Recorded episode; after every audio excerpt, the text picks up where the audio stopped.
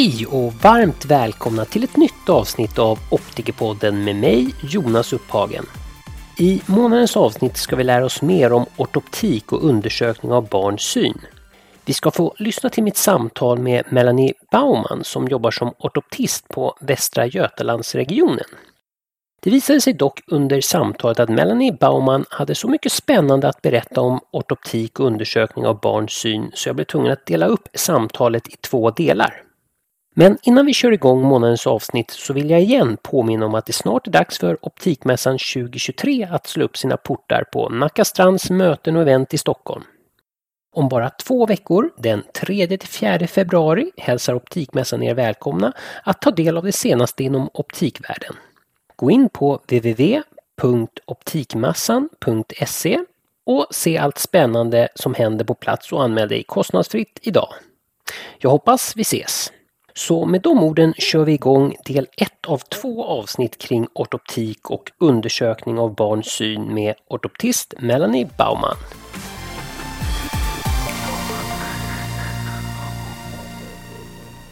Hej Melanie och varmt välkommen till Optikerpodden.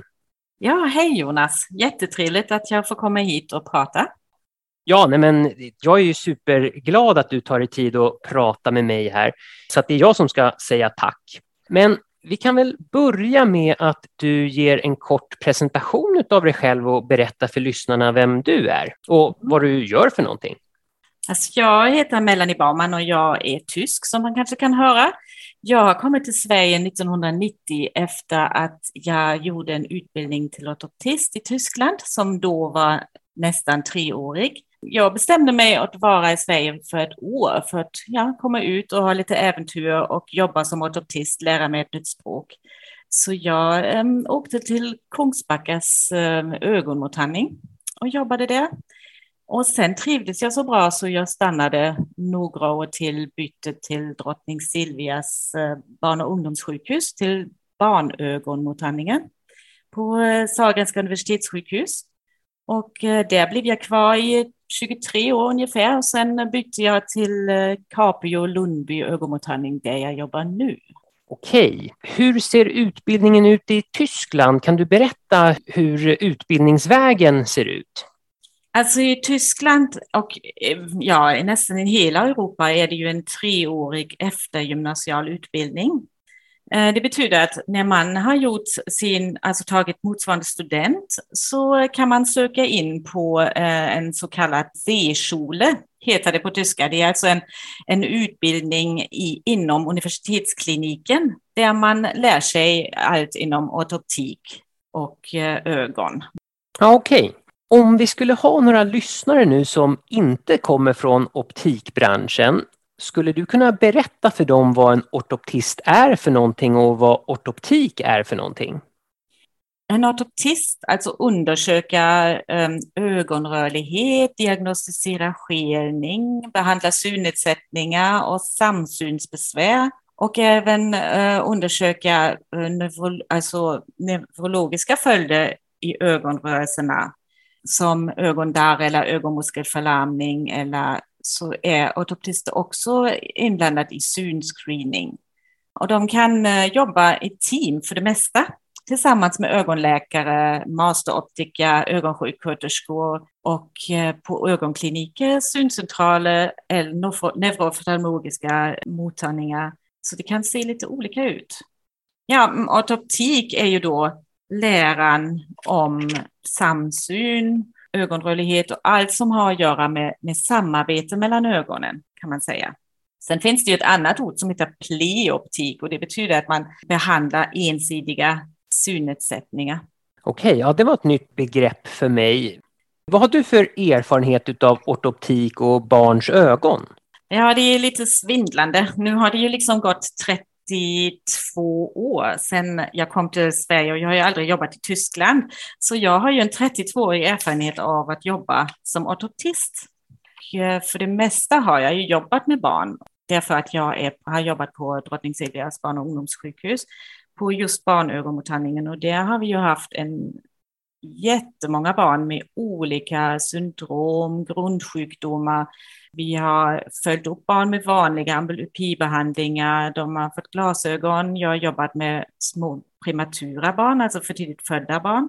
Jag har jobbat med barn som har gråstarr och eh, måste behandlas. Och det som är så fint med barn är ju att man, man kan träffa dem när de är väldigt, väldigt små och så följ, följs man upp ända tills de blir som sagt eh, färdigbehandlade vid åttaårsåldern. Och vissa barn som har kanske en funktionshinder som behöver gå längre på en barnögonmottagning än sina åtta år. Skulle du kunna berätta hur en vanlig arbetsdag ser ut för dig så att vi får lite förståelse om vad du gör för någonting? Då skulle jag nästan vilja säga en hel vanlig arbetsvecka. För att eh, just nu, där jag jobbar nu på Capio Lundby, då har vi en, en ögonmottagning som är ju både för barn och, barn och vuxna. Och eh, vi har ett barnteam och det ingår en barnoftalmolog. Och vi har just nu tre optiker som även eh, är med i vårt barnteam. Och så har jag en kollega, Lars Henriksson, som också är ortoptist. Så vi är, vi är ganska många som har, eh, är i vårt barnteam. Och där har vi ju delat upp veckan lite grann. Så vi ehm, har till exempel remissmottagningar. Det betyder att vi eh, bokar in nya patienter som kommer från BVC efter fyraårskontrollen eller från skolhälsovården eller som har skrivit en egen remiss. Och då sätter vi ihop dem på en mottagning så att det, är, det blir ett samarbete mellan barnoftalmolog och ortoptist eller optiker eh, och barnoftalmolog. Och då ehm, blir det så här att vi som ortoptist förundersöker man barnen och tittar om det finns någon skelning, testa synen, gör en autorefraktor och droppa ögonen och sen är det ju väntetid för dilatation och då efter den halvtimmen så tar barnoftalmologen över. Och samma gäller ju även för när optikerna förundersöker barnen, men det har vi delat upp det att optikerna tar oftast skolbarnen och skolbarnsremisser för att det finns det ju mer behov av refraktion medan på barn, barnavårdscentralsremisserna finns det även andra frågeställningar och det kommer ju också små barn, till exempel bebisar som kommer för misstänkt skelning eller som har en tydlig skelning eller som har en annan sjukdom och behöver i led med en utredning äh, träffa ögonläkare och ortoptist. Så det är den delen vi, vi har för remisserna. Sen har vi återbesök och då är det ju att man följer upp barnen när de har fått sina glasögon och då har det oftast gått tre, fyra eller sex månader eh, från förra kontroll och då kommer de för att testa sin syn med glasögon på. Och sedan har vi mottagningar där vi har preoperativa bedömningar och då är det blandat även vuxna och barn som kommer för en bedömning om man kan göra en skeloperation. Då jobbar man också i team tillsammans med barnögonläkare och, och skelkirurgen som är i vårt fall samma person. Mm, så ungefär ser det ut under en, en vecka. Sen har vi ju möten och vi, vi pratar om olika fall och just nu när vi har fått med oss våra masteroptiker så har vi också gjort en hel del internutbildning där de fick gå bredvid och eh, se hur, vi, hur tänket är kring barn och refraktion och hur man skriver ut glasögon, vad man måste tänka på så att det är väldigt givande att vi är ett, ett sådant stort team just nu. Ja, nej men vad, vad kul. Inom det här området barn och ortoptik, är det något område som du finner extra intressant eller som du brinner extra för? Just nu uh, jobbar jag ju ganska bredd, men jag, jag är väldigt uh, förtjust i, i eh, småbarn och deras, uh, att kunna testa synen och den här utmaning det innebär att kunna få fram det man måste få fram i en undersökning med, med småbarn. Det, det tycker jag är väldigt, väldigt roligt. Och i den kontakten med de här små, alltså jag, då, då, då tänker jag så här att det är bebisar från sex månader um, upp till fyra års åldern det tycker jag är väldigt eh, kul att jobba med. Ja, jag förstår. Jag förstår också att du har skrivit en bok. Vad mm. handlar den om? Alltså nu är denna boken ju redan över tio år gammal. Det var när jag var mammaledig med min yngsta som jag hade en kompis som peppade mig och uppmuntrade mig. Men vi kan ju göra en sån bok. Den boken handlar helt enkelt om hur är det när man ska få glasögon? Vad är det som händer? Hur, hur är vägen från att man testas på BVC tills man kommer till en ögonklinik och får då hela undersökningsgången tills man får ett recept i handen, ska gå till optikern och få glasögon. Och eh, vad jag har sett var ju att ja, det finns ju eh, barnböcker, som till exempel i den här serien Lätt att läsa finns det någon som, som är en Lucia och har fått glasögon och kommer till skolan. Eller det finns en rolig bok som eh, du kanske har sett som heter Boris blir astigmatiker. Det är det här med, med glasögon görs som att han har fått um, ett nytt yrke, astigmatiker liksom. Så att, men det var ju ingen bok som verkligen beskrev vad är det det handlar om när man, när man ska få glasögon. Och det fanns, så då har jag liksom tagit den här boken som en liten historia. Plus att man, vi har i baksidan en beskrivning av de olika orden, till exempel vad gör en ögonläkare, vad gör en ortoptist, vad, vad är en översynthet, vad är en närsynthet? Alltså de vanligaste, vanligaste frågor som finns när ett barn kommer från BVC på grund av att synen har blivit nedsatt vid den där fyraårskontrollen. Och eh, är det här en bok som riktar sig mot barnen eller är det mot ja. föräldrarna eller vuxna? Boken är ju, riktar sig ju till barn fyra till sex år. Och då är det ju såklart att då måste föräldrarna vara med. Barnen kan se på bilderna och fråga, men föräldrar måste ju läsa boken. Och då är det ju till både och. Alltså meningen från början var att vi fick kontakt med till exempel Specsavers som skulle um, distribuera boken. För att det, vi insåg ganska snabbt att det är ganska svårt att distribuera en bok i den vanliga bokhandeln. För att de får ut hundratals böcker i veckan och så ska de välja. Och även om, om ögon för dig och mig är en väldigt stor del och vi tycker liksom, ja alla har glasögon och, och det är bara det det handlar om, så är det här ju en väldigt, väldigt liten del för den stora bokhandeln. Så då hade vi ett, ett samtal med Specsavers. Sen till slut blev det så att, att vi gav ut boken på en, e, i ett eget förlag och ett stort antal köptes av Smarteyes till slut. Så det var en hel del um, ja, det var en hel del jobb som jag inte var beredd på. Det var lite roligt att uh, ha den erfarenheten. Men för mig är ju det här, det ligger mig varmt om hjärtat att, att kunna lämna den boken till barnen och barnen kan ta med sig den till exempel till förskolan och vi alla ortoptister i Sverige har ju, har ju en eh, exemplar eller två och det är, det är jätteviktigt att uppmärksamma det här att barn har fått glasögon och varför och att det är en bra sak, att det är viktigt. Det är många barn som skäms för att de har fått sina första glasögon. De gömmer dem och de vill inte att man ser dem med glasögon på. sig. därför var det så viktigt att hitta en historia och belysa den här frågan. Gör den tillgänglig för barnen framför allt. Det är det som är det viktiga för mig. Och du, du var inne på det här nu att eh, barn kan skämmas för glasögonen. Mm. Hur, hur vanligt är det?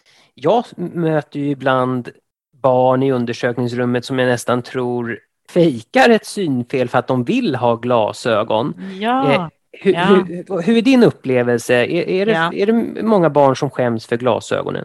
Ja, det finns, ju, det finns ju två sidor. Det är ju den som säger att det finns ju barn som eh, absolut vill ha glasögon. Och, sen, och den, den, det skulle jag också vilja ta upp. Det är väldigt intressant, den, den delen. Men, men framför allt finns ju den delen där barnen verkligen liksom känner sig misslyckad när de får glasögon. Och det är ju inte bara barnet som kommer och får glasögon. Det är familjen, det är föräldrarna. Och då är det ju väldigt, väldigt viktigt att föräldrarna har en bra inställning till det här med glasögon.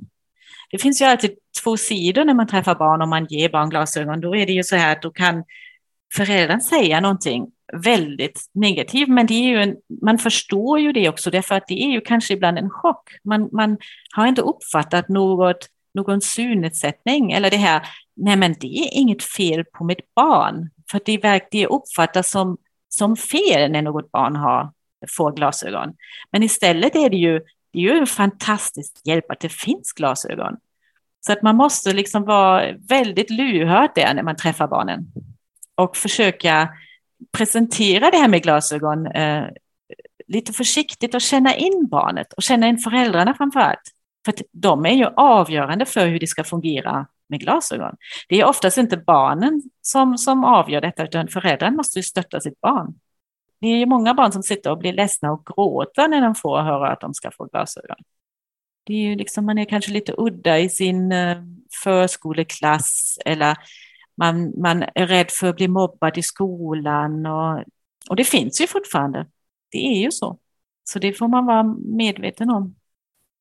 Man vill inte vara annorlunda. Man vill inte, vissa barn eh, vill inte ens, de vill inte synas. Det ska inte synas att de har glasögon på.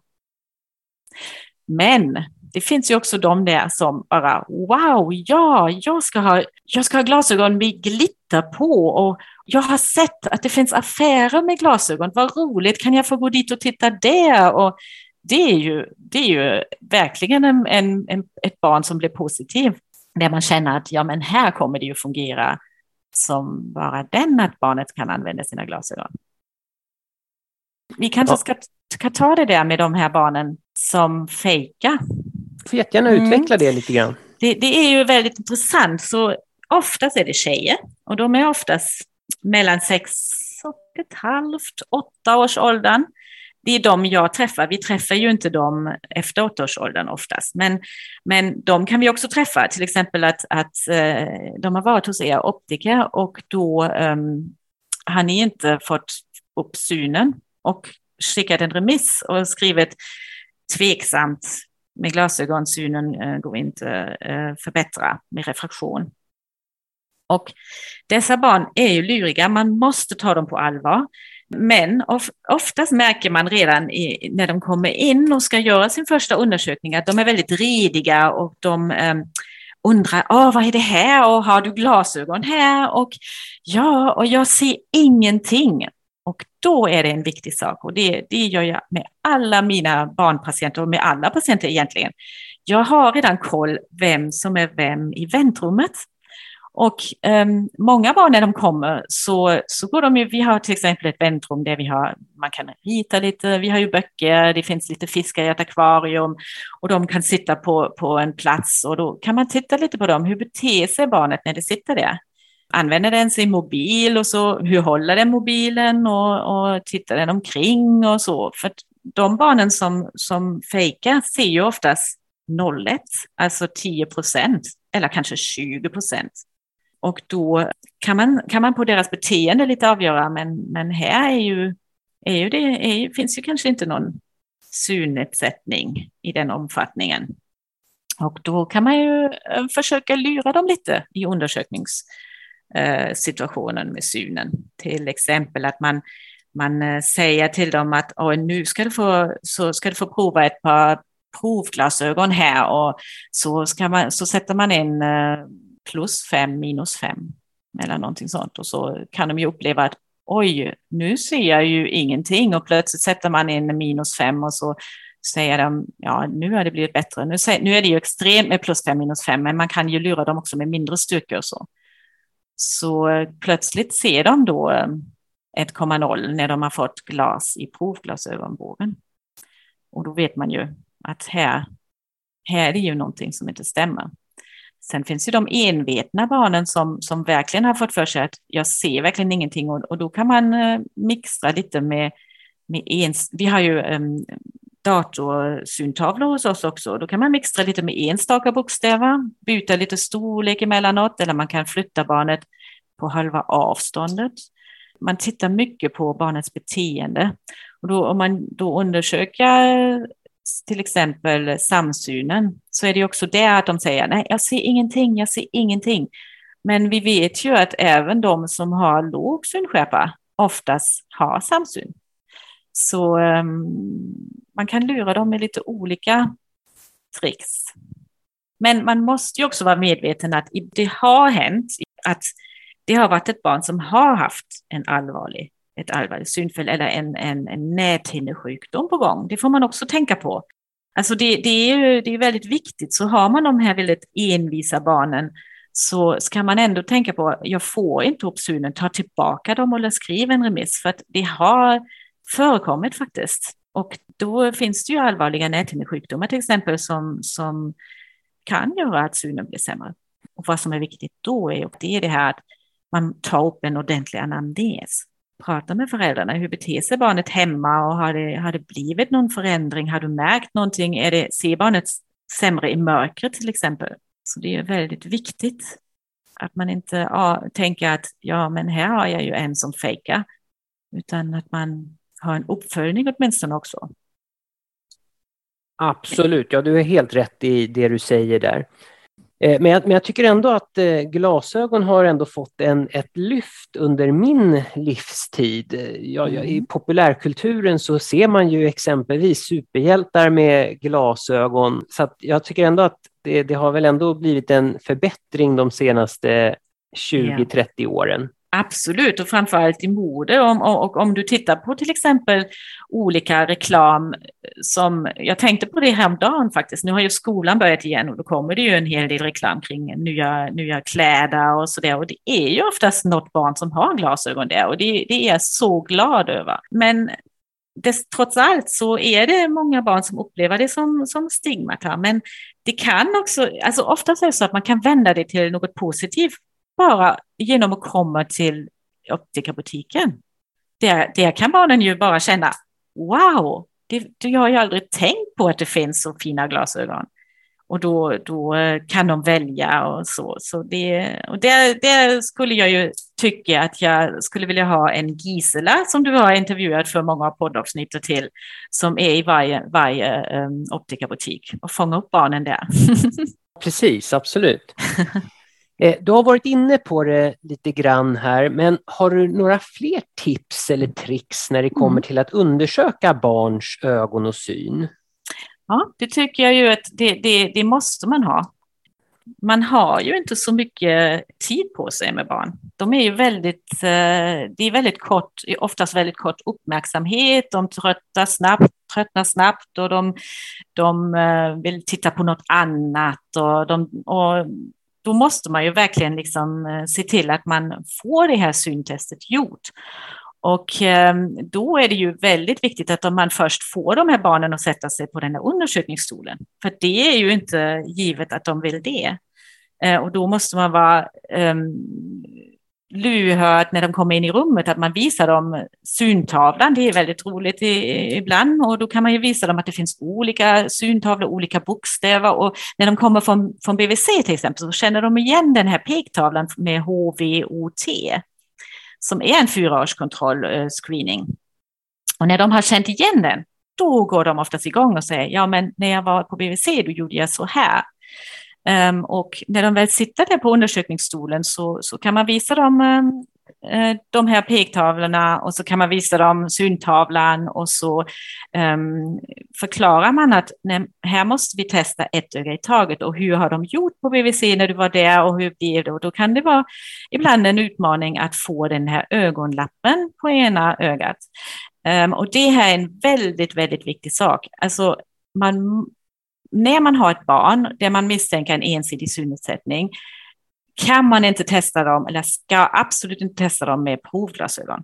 Därför att barn har små näsryggar eh, och när man har en ensidig synnedsättning så kikar man automatiskt genom de här eh, små hålen som, som finns när man tittar lite, lite snett genom en provglasögonbåge som är liksom okkluderat på ena ögat men sitter inte riktigt eh, kloss an mot ögonen, om man nu ska säga så. Och då försöker jag motivera barnen till den här ögonlappen och då har jag många roliga ögonlappar. De får till exempel sätta ett klister själv på en lapp eller de får välja en röd, grön, lila, de får välja ett mönster och så eh, gör man det lite roligt och förklarar liksom att, att här ska, ska ett öga jobba, de ska inte hjälpa varandra, de här ögonen, och, och du måste sitta så. Och när man har en ögonlapp på ett barn så kan ju barnet också vrida på huvudet utan att man som undersökare kan misstänka att barnet kikar med det bästa ögat som ligger under okklusionen under den här ögonlappen. Barnet sitter och vrider på ja. huvudet och tittar under kanten på okklusionslappen där. Fram, framförallt är ju att de tittar där näsryggen är, som är ju oftast en platt näsrygg. Eh, framförallt i sådär tre, fyra års ålder. Ehm, så det är väldigt, väldigt viktigt att man har fått, att man får till det och sen att man, att man lekar sig till det, att man till exempel att man tar barnets mössa eller en snuttefilt eller en nalle och att föräldern håller det framför det ögat som ska täckas för. Det gör jag mycket när barnen inte vill och gråter och är så rädda för den där ögonlappen. Sen är det också att man kan använda föräldrarnas hand. Och så när föräldern håller handen, då måste man som undersökare ha koll att det är handflatan som hålls framför ögat och att det inte finns en glipa mellan fingrarna som man håller för ögat.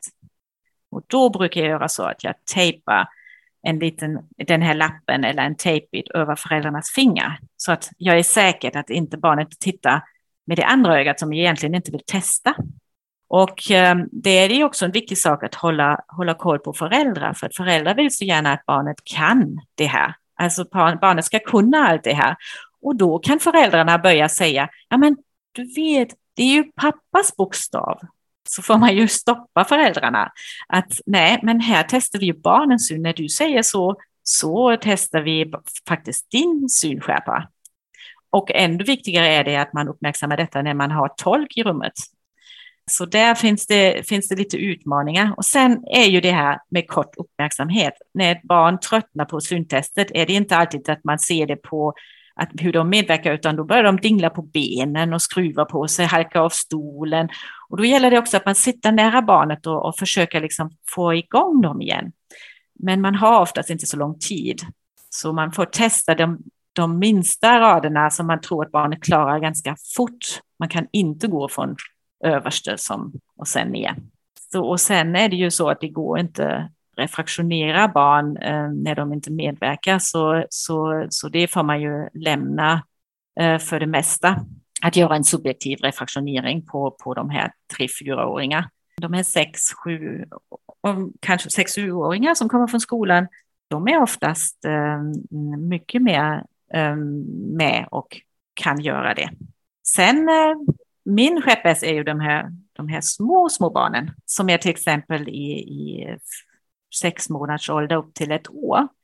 Där kan man göra väldigt mycket roliga saker för att få fram lite grann en uppfattning hur de ser. Till exempel man använder sovbubblor och man, man använder, en gång använder man leksaker som låter bara för att se hur reagerar barnet och så tar man bort det som låter och så visar man eh, leksaker.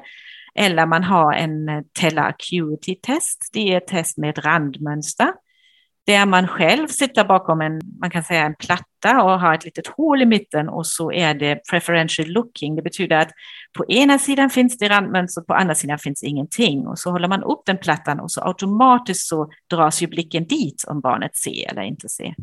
Ja, jag förstår. Det, det, det finns ju barn som kommer för skelning. Och det är ju otroligt viktigt att få fram en synskärpa. För att vad man vill veta är ju inte enbart refraktion, utan vad man vill veta där är ju, man vill veta, ser det skelande ögat? Så vad som, vad som ger mig information är ju när man gör en covertest och, och vill se, fixera det skelande ögat överhuvudtaget, eller kan barnet alternera i sin skelning? Men när man, har, när man sätter på en lapp och får barnet att, att testa synen. Och då kan man ju använda en syntavla som heter Case Pictures eller, eller LH-tavlan som är Lea Hyverinen och det, de har olika eh, symboler. Till exempel på Case Pictures finns det en anka, ett hus och en fisk. Alltså olika symboler helt enkelt. Och, och de symbolerna är väldigt kända för barnen. Och barnen kan oftast relatera till de symbolerna. Och när man har dem i sin, vi har dem i vår syndator, så kan man antingen testa det med enstaka symboler, alltså att det bara kommer upp en anka, ett hus, en fisk, så att inte barnet behöver titta så mycket, utan bara se. Eller man har dem i rad. Och när barnet blir, ser dåligt redan på grund av sin ensidiga skelning, så kommer man ju inte så långt på det här syntestet. Och så tar man och testar det andra ögat och då skenar de upp oftast och bara oj, nu ser jag och då ser de att det är en, en anka eller en fisk. Och det blir också väldigt tydligt för föräldrarna. När föräldrarna sitter bredvid eller har barnet i, i sin famn på det avståndet som man testar synen med Case Pictures, så ser de ju för det mesta vad det är för någonting. Och när barnet plötsligt med det ena ögat ser vad det är, men inte med det andra ögat, så inser de ju att det finns ju verkligen en synnedsättning. Och då är det ju också lättare sen att motivera föräldrarna att sedan använda en amblopibehandling. Och därmed kommer vi in i amblopibehandling. Vad, vad vill du säga kring amblyopibehandling? Det är så viktigt att motivera både barnet och föräldrarna att verkligen använda ögonlapp. Och det finns ju tre, olika amblyoppibehandlingar. Det är ju lappbehandling, det är ju den som man använder mest skulle jag säga och då är det ju vissa timmar lapp på det eh, bästa ögat och glasögon ska sitta på samtidigt. Eh, sen finns det eh, filter, rusafilter kallas de, eller bangata-okklusion som de också kallas. Och där sätter man ju en, en, en filter och sätter ner synen på det bästa ögat.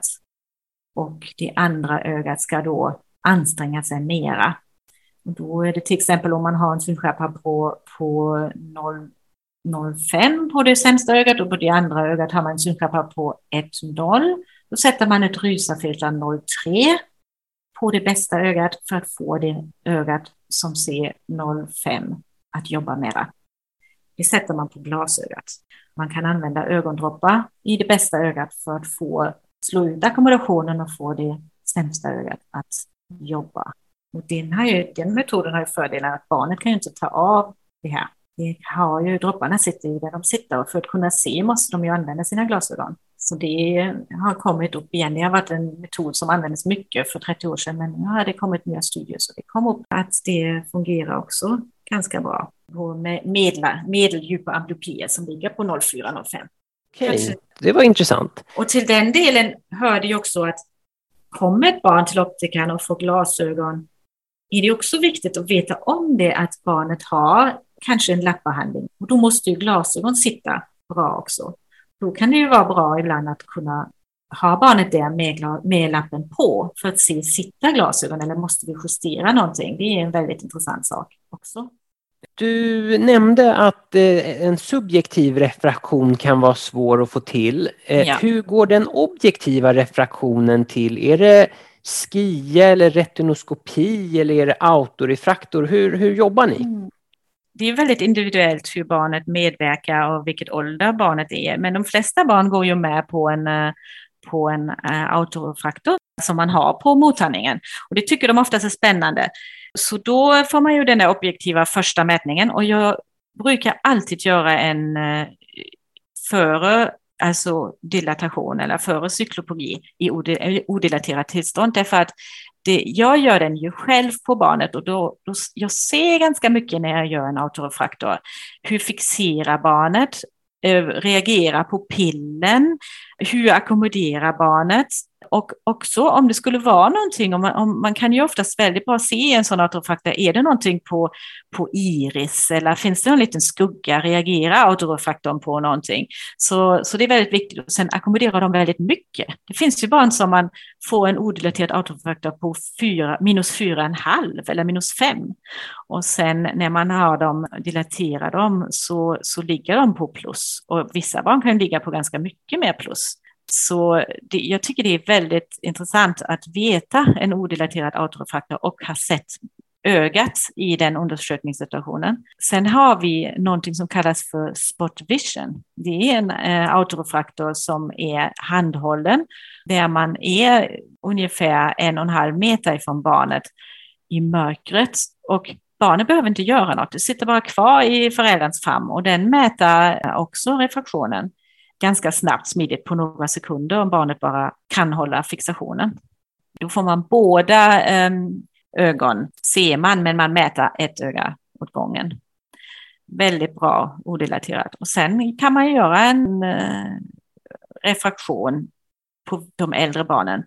Man kan bara sätta för lite minus en och en halv och så, men de här plus, de här hyperopa-barnen, de ser ju ofta spontant inte bättre för att de är ju så bra på att ackommodera så de tycker ju att det är suddigt när man börjar med, med refraktion. Och man har ju inte den tiden att man kan bygga upp eh, en eh, subjektiv refraktionering. Så att det gör vi inte så ofta. Det är den objektiva som är autorefraktor och spot vision vi har ju många barn som inte vill komma nära en apparat. Och de barnen, till exempel autistiska barn, de är ju väldigt rädda för det här med beröring, att komma nära och, och de kan ju inte sitta still och så. Den apparaten är ju väldigt bra för, för barn som är rädda och så. De, de, det funkar oftast väldigt bra. Då, de kan man inte ens komma nära med en, med en skioskopi och kanske inte ens droppa. Man kommer inte ens finns inte ens möjlighet att droppa dem och då kan man få den här ungefära mätningen med den här Spot Vision och så vet man att här ligger det i alla fall inte på plus 12 eller plus 6 eller någonting. Den apparaten går bara till plus 8 kommer jag på. Ja, plus 8 och minus 7 tror jag. Men den är en väldigt bra hjälp objektiv. Är målsättningen att det ska vara så mörkt som möjligt i rummet med den här undersökningen? Ja, det, det behöver inte vara beckmörkt, men eh, någorlunda så att pupillen är så stora. Annars säger apparaten pupillen är för små. Ja, okay. Det är just när man inte kan, kan få göra någonting annat. Och till exempel med sådana här små som, som fyra, sex månader, sju, åtta månader. Med dem kan man också göra den. Eller rädda barn som inte medverkar bra. Där måste vi tyvärr avbryta Melanie och avsluta del 1 av 2 kring ortoptik och undersökning av barns syn. I del 2 av detta samtal kommer Melanie bland annat prata om arbetsflödet kring cykloplegiska ögondroppar och vilka mätningar som Melanie önskar ska vara med på remissen från optikern. Men mer om detta i nästa avsnitt. Avslutningsvis så vill jag igen tacka Melanie Baumann för att hon tog sig tid att prata med mig i Optikerpodden. Och återigen, tack till alla lyssnare som valt att lyssna och jag hoppas att ni lärt er någonting nytt om ortoptik och undersökning av barns syn. Sist men inte minst så vill jag tacka Optikmässan som sponsrar månadens avsnitt av Optikerpodden. Vi hörs!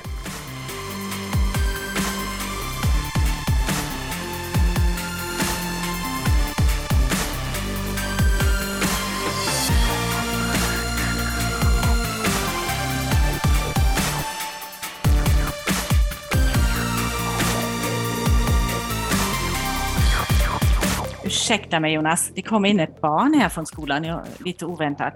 Jaså? Wow. Ja, men behöver, behöver du ta en paus? Nej, eller? nej, hon vinkade bara så att jag bara sagt till henne att hon får vara tyst. Okej. Okay, okay. Nu är det, saker händer. Ja då.